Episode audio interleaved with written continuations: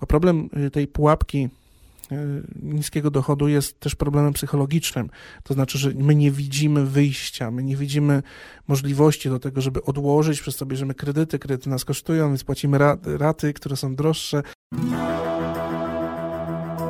Jak odnaleźć się w finansach? Jak sprawić, by pieniądze służyły realizacji naszych celów życiowych? Na te oraz inne pytania odpowiadają goście podcastu Po ludzku o pieniądzach, którego partnerem jest Generali Investments TFISA i który mam zaszczyt prowadzić. Nazywam się Radosław Budnicki, na co dzień prowadzę podcast Lepiej Teraz i nie jestem internetowym guru zarabiania, Rozmawiam tylko po ludzku o pieniądzach z ekspertami, którzy zrozumiałym językiem tłumaczą zawiłości finansów i to, jak sprawić, by pieniądze nam służyły, a nie nami rządziły. Serdecznie zapraszam.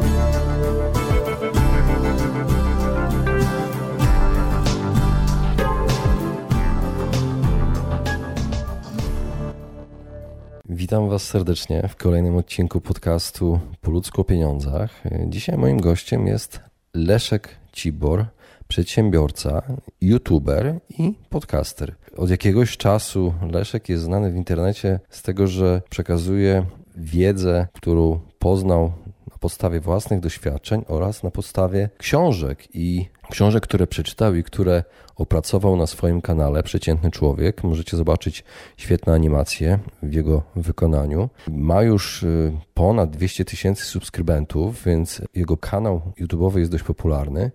I tym razem y, zapytałem Leszka o jego własne doświadczenia, jeśli chodzi o finanse osobiste i finanse przy prowadzeniu własnej działalności gospodarczej. I Leszek zgodził się opowiedzieć o czterech fundamentalnych krokach, które należy wykonać, żeby wyjść z nisko opłacanej pracy. Więc serdecznie zapraszam do wysłuchania tego odcinka. Cześć Leszku. Cześć Radek.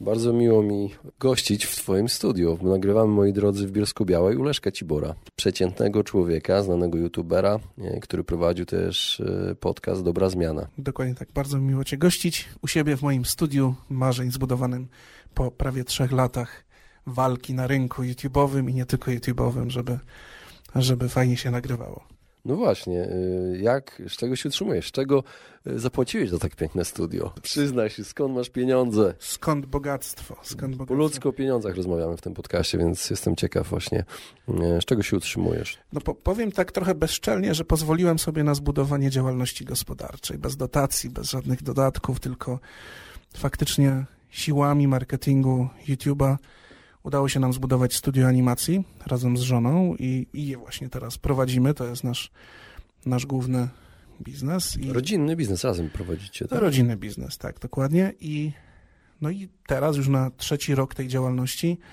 realizujemy animacje dla telewizji, dla TVN-u, dla Aflofarmu, dla dużych marek. A dla e, osób, nie wiem, takich jak e, podcasterzy i inni youtuberzy, którzy nie znają się na tym, chcieliby mieć ładne filmiki, też robicie coś? No robimy coś. Z reguły współpracujemy z nimi w ramach już bardziej kanału niż komercyjnych usług. Tutaj bardziej tu na miejscu w studiu realizujemy wiesz, kursy online, realizujemy rzeczy na zlecenia, które faktycznie pozwalają nam, wiesz, utrzymywać się, no bo samym YouTube'em człowiek ciężko, ciężko może wyżyć, zwłaszcza jeśli chodzi o dziedzinę edukacji. Leszko, z czego kiedyś się utrzymywałeś? Jak doszedłeś do tego? Miałeś od razu, że tak powiem, po maturze zacząłeś zakładać y, biznesy? Jak to wyglądało? Fajnie było powiedzieć, że człowiek urodził się genialny, ale urodził się głupi i uczył się po drodze. Ale faktycznie, wiesz, kończąc szkołę średnią założyłem wydawnictwo, zająłem się grafiką komputerową i prowadziłem przez parę lat studio graficzne, które no, mówiąc tak trochę bezosobowo, zbankrutowała tak naprawdę przez moje głupie decyzje. Mm, e, musiałem zwinąć e, w 2008 i 2009 ten biznes i wrócić e, do reedukacji siebie, wrócić na kontrakty menedżerskie w różnych firmach, gdzie odbudowałem się jako osoba, odnalazłem swoją ścieżkę jako najpierw trener sprzedaży. To jest taka moja dziedzina, mój konik, cały, cała, cały temat związany ze sprzedażą i marketingiem. No i na tej kanwie w którymś momencie, gdy już okrzepłem, gdy odzyskałem trochę siły po tym pierwszym e, dużym niepowodzeniu życiowym, niesiony też doświadczeniem tego, że wiedziałem, przemyślałem sobie, jak to zbudować, żeby trochę zrobić to inaczej, wszedłem na YouTube'a i, i zacząłem od animacji edukacyjnych, zacząłem uczyć ludzi, jak lepiej żyć, popularnej psychologii, niepopularnej psychologii, generalnie prowadzić kanał rozwojowy. No i na tej kanwie zaczęliśmy sprzedawać animacje, ponieważ obserwuję nas wielu przedsiębiorców, no i którzy stwierdzili, że też chcieliby takie animacje dla siebie. No i te dwie rzeczy udało się fajnie połączyć i teraz są po prostu naszym sposobem na utrzymanie. Co zastanawia mnie przy, przy czytaniu tyle y, takich ciekawych książek, czy przy, przy zrobieniu tego typu y, materiałów rozwojowych, w jaki sposób nauczyłeś się w lepszy sposób podchodzić do finansów osobistych? Czy coś się zmieniło w Twoim życiu, jeśli chodzi o podejście do finansów osobistych? A to zdecydowanie, wiesz, od, od pierwszej mojej działalności do teraz to jest olbrzymia przepaść.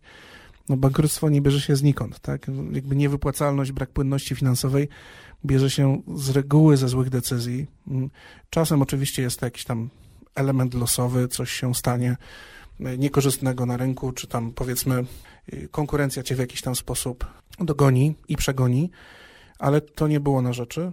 Jakby złe decyzje finansowe, pokazanie wszystkim, że mimo kryzysu, mimo, mimo jakichś tam niesprzyjających y, wydarzeń, ja dalej mogę, potrafię, chciałem wszystkim pokazać za wszelką cenę. No i właśnie tę cenę niestety zapłaciłem. Cenę przede wszystkim nieuważności finansowej, nieuważności, niezrozumienia tego, czym jest płynność finansowa, tylko takie życie trochę od zlecenia do zlecenia. Bardzo kłopotliwa sytuacja. Teraz... Wydawałeś kiedyś więcej niż teraz? Nie wiedziałem, nawet nie, nie wiedziałem, ile wydawałem. A, w ogóle nie śledziłeś tego? Tak, tak, jakby to było takie a, spontaniczne bardzo, takie kompletnie chaotyczne działanie. Teraz rozumiem, wiesz, już zagadnienie choćby takie podstawowe jak poduszka finansowa, czy, czy umiejętność zabezpieczenia sobie płynności finansowej, czy choćby dbanie o to, żeby, wiesz, rozliczać się z klientami, żeby konstruować cenę produktu w taki sposób, żeby, żeby to się opłacało jakby z obu stron, czy, czyli żeby odpowiadało to warunkom rynkowym, było konkurencyjne w, w, w moim otoczeniu, no ale też nie, nie pracować poniżej, poniżej stawek powiedzmy głodowych, tak, żeby samemu siebie nie zagłodzić ilością zleceń, żeby nie nawrzucać sobie tyle pracy, żeby nie móc wyjść z, z, sprzed komputera przez 14 godzin na przykład, więc tego się nauczyłem i to wszystko się gdzieś tam y, do odpowiedzialności finansowej sprowadza, zwłaszcza szacunek dla swojego czasu pracy, no nie, bo to jednak człowiek nie jest złożony z pracy, ani z finansów, człowiek żyje, prawda, i teraz, żeby to wszystko dobrze grało, no, musi być jakaś harmonia między tymi, tymi elementami pracy, finansów, y, no i czasu prywatnego. Mhm. Y, na pewno słyszałeś o doniesieniach prasowych o tym, że w różnych y, krajach, nie tylko w Polsce też mówi się o, o dochodzie gwarantowanym, o minimalnej płacy, pod, pod, podwyższaniu tego poziomu. Wiele osób liczy na to e, i tak się zastanawiam, czy, czy warto liczyć na te, e, na te de decyzje podejmowane przez e, polityków, czy już abstrahując od tego, czy to w Polsce, czy gdziekolwiek na świecie, czy jakiekolwiek czynniki zewnętrzne. Czy warto wziąć pełną odpowiedzialność za finanse na siebie? Czy to, czy to nie jest zbytnie niebezpieczne? Opowiem Ci no, troszeczkę takimi dwoma specyficznymi anegdotami. Czy warto ufać innym osobom e, za Twój dobrobyt? Czy inne osoby faktycznie będą w stanie o Twój dobrobyt tak zadbać jak Ty sam? Odpowiedź wydaje się oczywista nie, ale mm, fajnie ilustrują to właśnie dwie anegdoty. Pierwsza z nich na początku mojej działalności prowadziłem taką typową działalność agencji reklamowej, czyli moim konikiem było pozyskanie klienta, czego na przykład drukarnie nie potrafiły dobrze robić, nie radziły sobie, drukarnie radziły sobie za to z produkcją, ale nie miałem żadnych maszyn. No i teraz to był system naczyń powiązanych. To znaczy, że w momencie, gdy ja pozyskiwałem klienta, wszyscy się cieszyli, oczywiście drukarnia miała swoje stawki, ja sobie doliczałem prowizję, no i zlecenia się kręciły. Do czasu, kiedy Oczywiście na etapie produktu drukarnia coś nie zrobiła, coś zrobiła nie tak. Albo ja się z nimi nie dogadałem, albo klient coś źle powiedział. No generalnie na jakiejś tam linii pojawił się konflikt. No jestem pomiędzy. Jestem osobą, która ufa drukarni, powierza drukarni swój dobrobyt i swoje dobre imię jako dostawcy usługi całej, całościowej dla klienta. I czyli ja powierzam swojej y, drukarni swoją wypłatę. I drukarnia coś schrzaniła, ma jakieś swoje inne priorytety, nagle się pojawiają inne priorytety, no, albo na przykład zepsuła się im maszyna, albo mają dużo lepiej płatne zlecenie, no i wypychają moje na inny termin, a mój klient, prawda, jest na mnie zawiedziony i już nie, nie będę w stanie mu nie tylko sprzedać, ale może będzie chciał nawet zwrot pieniędzy i tak dalej. To bardzo częste sytuacje. No i to bardzo łatwo ilustruje, że najlepiej jest mieć maszyny, mieć możliwości, mieć umiejętności, mieć wszystko w swoim ręku, bo jak zdarzy się kryzys, to ty osobiście będziesz siedzieć po nocach i ratować tą całą kryzysową sytuację, bo tobie najbardziej zależy na twoim dobrze. Nikomu nie zależy na twoim dobrze tak bardzo, jak tobie samemu. Druga sytuacja, i to jest bardzo y, powszechne, to jest w, w, ogóle w jaki sposób funkcjonują organizacje pozarządowe w, y, w tym kraju. Ja przez lata pro, y, prowadziłem fundację, którą organizowaliśmy masę różnych wydarzeń, konferencji, między innymi TEDx w Bielsku-Białej. No i problem polega na tym, że organizacje pozarządowe w naszym kraju są pozarządowe z reguły tylko z nazwy, dlatego że z reguły opierają się na dotacjach rządowych, czyli realizują agencje czy lokalnych, y, tam y, władz miejskich czy, y, czy centralnych, w zależności od tego, jaki jest tam poziom dotacji. No i widz polega na tym, że te dotacje też są uzależnione od czasem jest masa zależności, które ty musisz spełnić, które niekoniecznie są, leżą, wiesz, w twoim interesie, tylko leżą w interesie na przykład władz miejskich.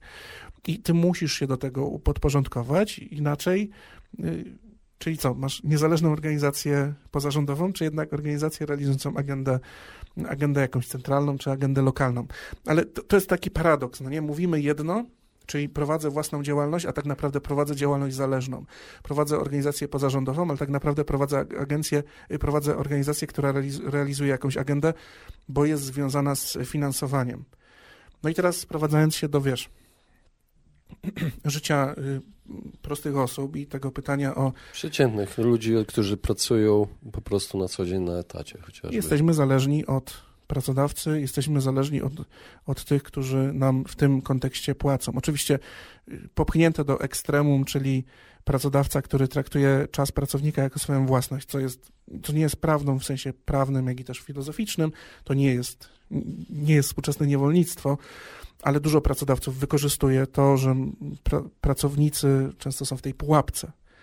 Także są uwięzieni pomiędzy tym, że y, mają pracę, którą, w której sobie w miarę radzą, która jest na tyle opłacana dobrze, że jeszcze z niej nie odchodzą, ale nie jest na tyle dobrze opłacana, żeby, żeby czerpać z niej jakąś wiesz, wielką satysfakcję, a pracodawcy często wiedzą, że w obecnym realiach, wiesz, rynek kredytowy i tak dalej, jest tak skonstruowany, że pracownik czasem musi, no bo ma... Nie ma wyjścia, tak. Bo nie ma wyjścia. I to, to, hipoteka, to się, hipoteka się nie spłaci. To się trochę tak kolokwialnie nazywa współczesnym niewolnictwem. To jest taki nie, niedopowiedziany, niewypowiedziany krąg zależności.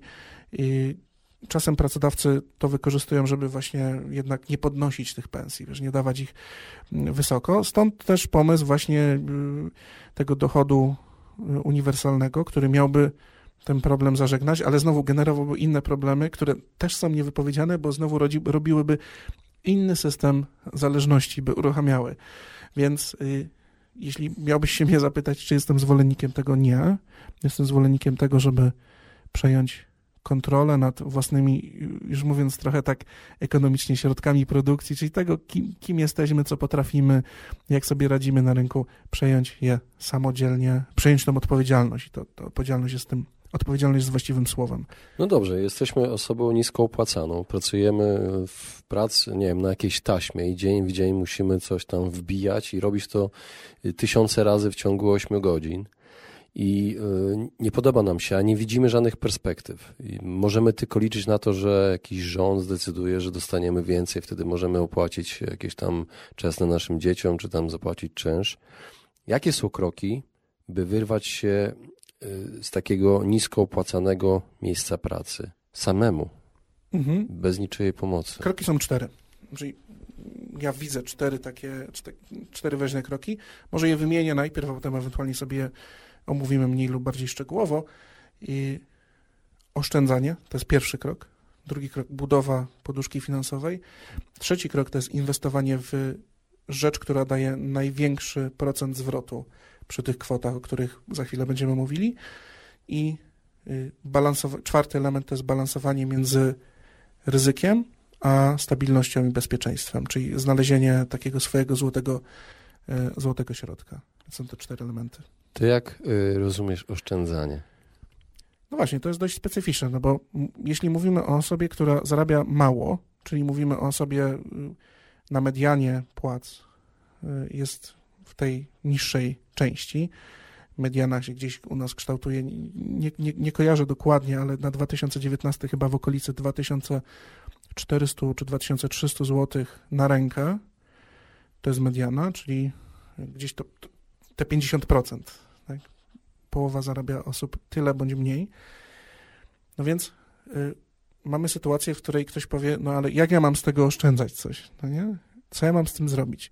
Natomiast myk polega na tym, że to jest pułapka. Na zasadzie, jeśli jesteśmy w takim miejscu i nie mamy infrastruktury w postaci rodziny, która może nam szybko nas dźwignąć w jakieś inne miejsce finansowo, może nam y, wujek pożyczyć na rozwinięcie własnego biznesu 50 czy 100 tysięcy złotych, czy nie wiem, y, y, na przykład mamy te programy dla osób bezrobotnych, które tam na przykład dostaje się 40 tysięcy bezzwrotnej pożyczki, czy, czy, czy, czy jakiejś innej dotacji. Może być tak, że takie środki mogą być dla nas kompletnie niedostępne. No więc co możemy zrobić? Jeśli ja mówię o oszczędzaniu, to mówię przede wszystkim o świadomej strategii, która ma na celu okno dwuletnie, trzyletnie, żeby wyrwać się z tego miejsca samodzielnie. Czyli trzeba zacisnąć pasa. Tu nie ma, nie ma jakiejś takiej wiesz, pieniędzy, które zlatują z nieba. Czyli możemy starać się wykorzystywać oczywiście wszystkie możliwości, które nam, daje, nam dają jakieś wsparcie socjalne i tak dalej. Natomiast y, jeśli chcemy zawierzyć sobie, dać sobie tą odpowiedzialność, no to jeśli mówię o oszczędnym życiu, to mam na myśli minimalizację kosztów dodatkowych życia. Od, wiesz, nie chodzę do restauracji i, i, i nie jem, tylko jem w domu. Nie chodzę na kawę za 15 zł czy, czy 20 do sieciówek, tylko, Biorę w termos. tylko biorę kawę w termos i wiesz, mam cieplutką zawsze kawę. No wiesz, to się może kojarzyć z takim y, trybem życia y, turysta z lat 80., że wiesz, idę w góry z termosem, kanapkami, Ale Ale- to fajna przygoda, powiem ci szczerze. Raz to jest fajna przygoda, wiesz, to, to nie jest. y, To ktoś może powiedzieć, że to jest jakieś takie, nie wiem, uwłaczające, czy powiedzmy jakieś takie nie, nie, w, nie w obecnym stylu. Ja chcę, wiesz, ja chcę żyć komfortowo i pić sobie swoją kawę. Okej, tylko musisz podjąć tę decyzję, tak? Ty chcesz się wyrwać z tej pułapki, czy nie? I niestety ten pierwszy okres będzie bolesny i będzie kłopotliwy. Będzie wymagał podjęcia radykalnych cięć w takich miejscach, których, których się nie spodziewasz. Poszukaj sobie w swoim banku ukrytych opłat, które masz w koncie, próbuj je minimalizować. W abonamencie telefonicznym wszystkie dzwonki za 5 zł miesięcznie powyłączaj, przejdź na, y, na ten, na fakturę elektroniczną, nie bierz, nie bierz papierowej i już tak tu 5 zł, tam 5 zł. Wiesz, i w perspektywie miesiąca nagle się znajdą się te 200-300 zł. Oczywiście y, wielkim tematem są zawsze używki, no nie? Czyli alkohol, y, papierosy i tak dalej. No to jest zawsze temat, na który idzie dużo, y, dużo środków. Zresztą jest ten słynny dowcip, y, nie, nie wiem, czy go znasz, dwóch, dwóch, gości rozmawia pod sklepem, jeden właśnie kupił sobie paczkę fajek, drugi nie, no i ten drugi, co nie pali, mówił, stary, no ale jak będziesz tak palił, no nie, no to policz sobie, ile ty palisz, no, no palę paczkę dziennie, no nie, no i tam ten drugi wykonuje mu obliczenie, w zależności od tego, ile ta paczka wtedy w, dan w danym momencie rynku kosztuje, no to jak palisz paczkę dziennie, no to masz dwie dyszki dziennie, razy 30 dni, no to masz 6 stówek w miesiącu, masz 6 stówek w miesiącu, to za 100 miesięcy będziesz miał jakiegoś tam fajnego, używanego Mercedesa, no nie? Ale takiego super Mercedesa za, za, za ileś tam tych lat, tak 12-15 lat palenia, no nie? No i no i ten, ten, co palący mówi, no ale ty nie palisz. No nie palę. No gdzie twój Mercedes? No nie na tej zasadzie. Czyli on przejadł gdzieś te, te 600 zł, na przykład przykładowe, hipotetyczne z tego dowcipu, przejadł w innym miejscu. I właśnie o to chodzi, że nawet jak nie mamy tych używek, bo zawsze znajdujemy tą kasę na te używki, to mamy inne miejsca, gdzie te pieniądze się gdzieś rozchodzą po kątach. No i warto te konty właśnie prze, przeszukać i bardzo rygorystycznie zacząć, zacząć oszczędzać. I teraz po co oszczędzać? No i to jest ten drugi krok. Chyba, że masz jakieś pytanie. Po drodze się Nie, bo y, dla mnie naturalną rzeczą jest wyznaczanie celu, bo takie oszczędzanie do samego gromadzenia pieniędzy nie byłoby dla mnie zbytnio motywu, motywujące. Dlatego naszym celem jest tutaj, pierwotnie ustaliliśmy, że jest wyrwanie się z tej pułapki niskich dochodów żeby to zmienić, żeby, żeby, żeby uwolnić się z, z, czegoś, co możemy nazwać współczesnym niewolnictwem, tego dziwnego systemu niewypowiedzianych zależności między pracodawcą, kredytodawcą, tobą yy, i, całym twoim funkcjonowaniem ekonomicznym, finansowym. Jak ty to robisz? Y, jak ty gromadzisz pieniądze? Y, ja od tego zacząłem, ale dokładnie o czym mówimy, ja od tego zacząłem, czyli zacząłem od bardzo oszczędnego życia. Bardzo oszczędnego, wiesz. Najtańszy możliwy wynajem, najniższe możliwe koszty. Jeśli gdzieś samochodem, to tylko tam, gdzie mam przychód, czyli a reszta na piechotę. I jedzenie tylko w domu, funkcjonowanie, wiesz, minimum z minimum, zero jakichś abonamentów e, internetowych, wiesz, serialowych.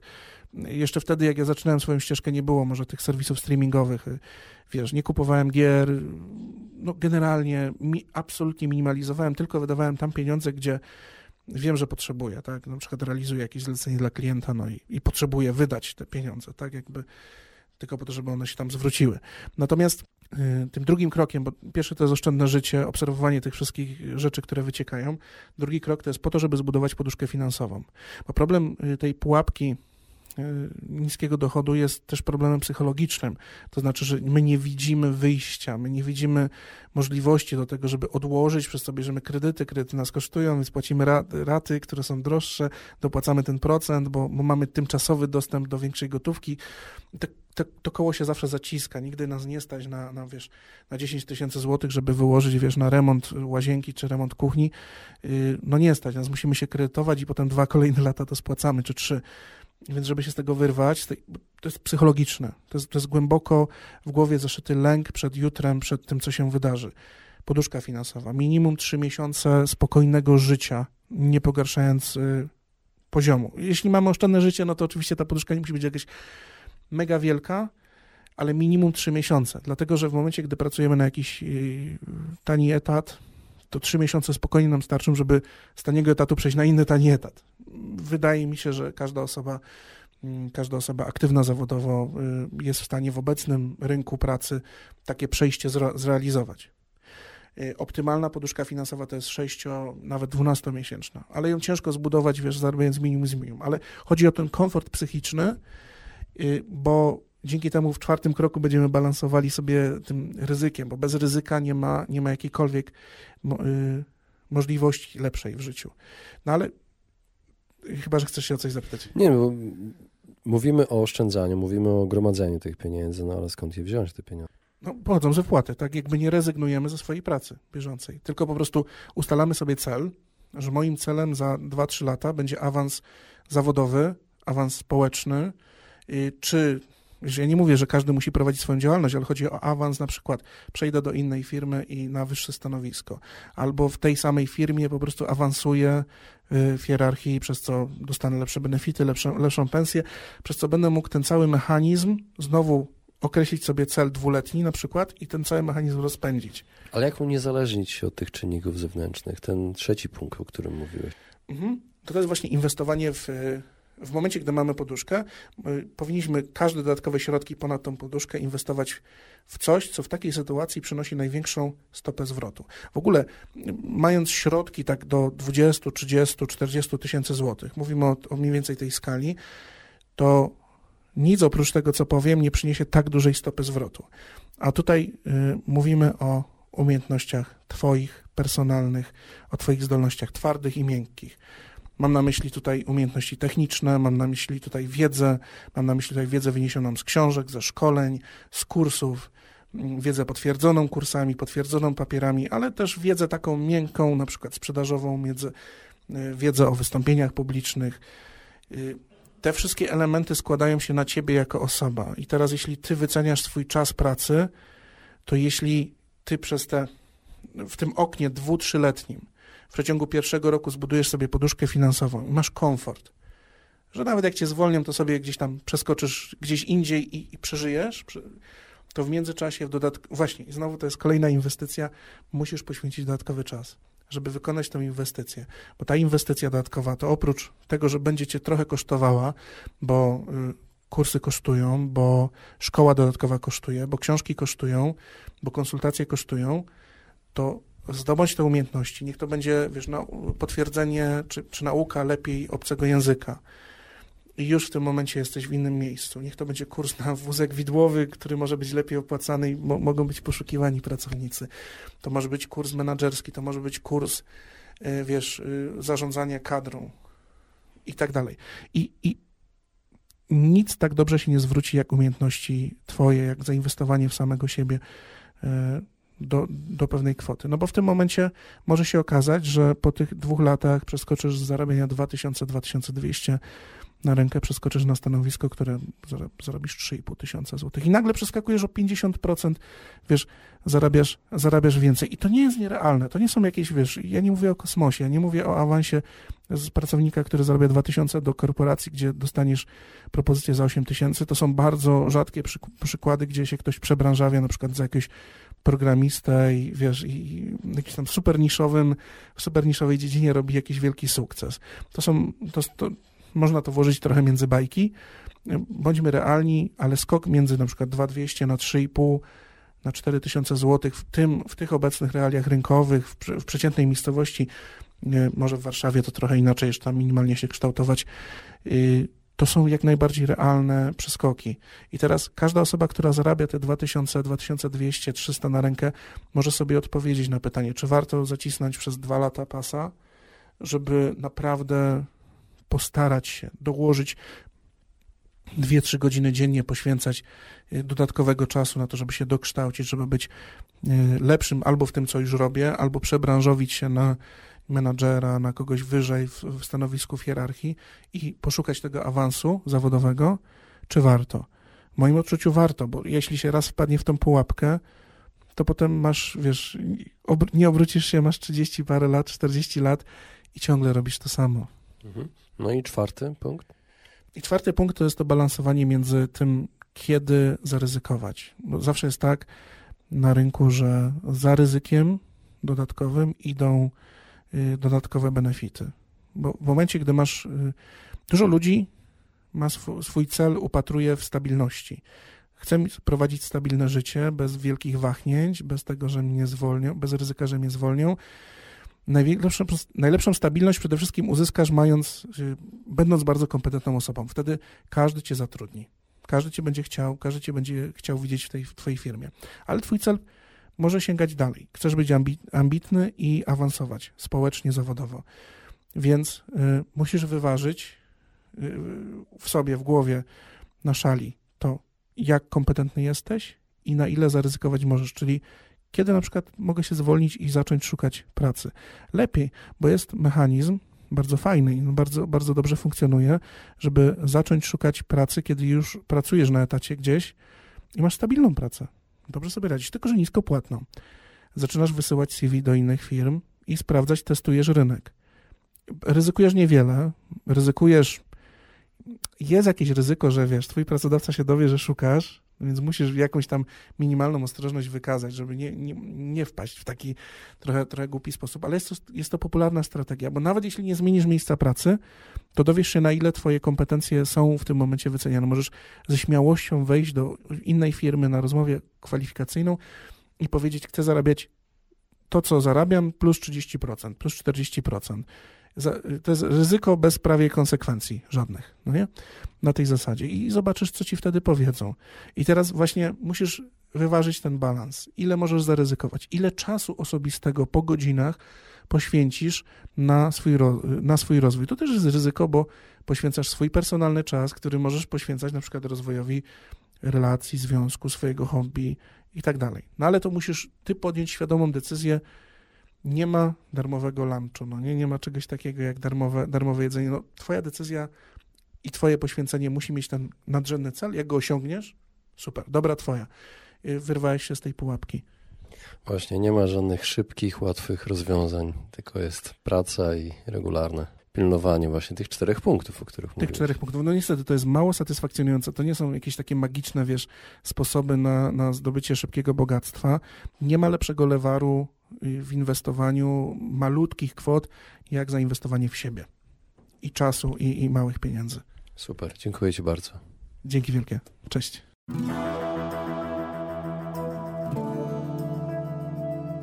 Właśnie wysłuchaliście podcastu Po ludzku o pieniądzach. Mam nadzieję, że Wam się podobała rozmowa. Jeżeli Wam się podobała, poświęćcie swój czas, proszę, by pozostawić swoją recenzję na iTunes. Jeżeli macie pytania lub e, propozycje dotyczące kolejnych audycji, piszcie do mnie na fanpage'u Po ludzku o pieniądzach i do usłyszenia w następnym razem.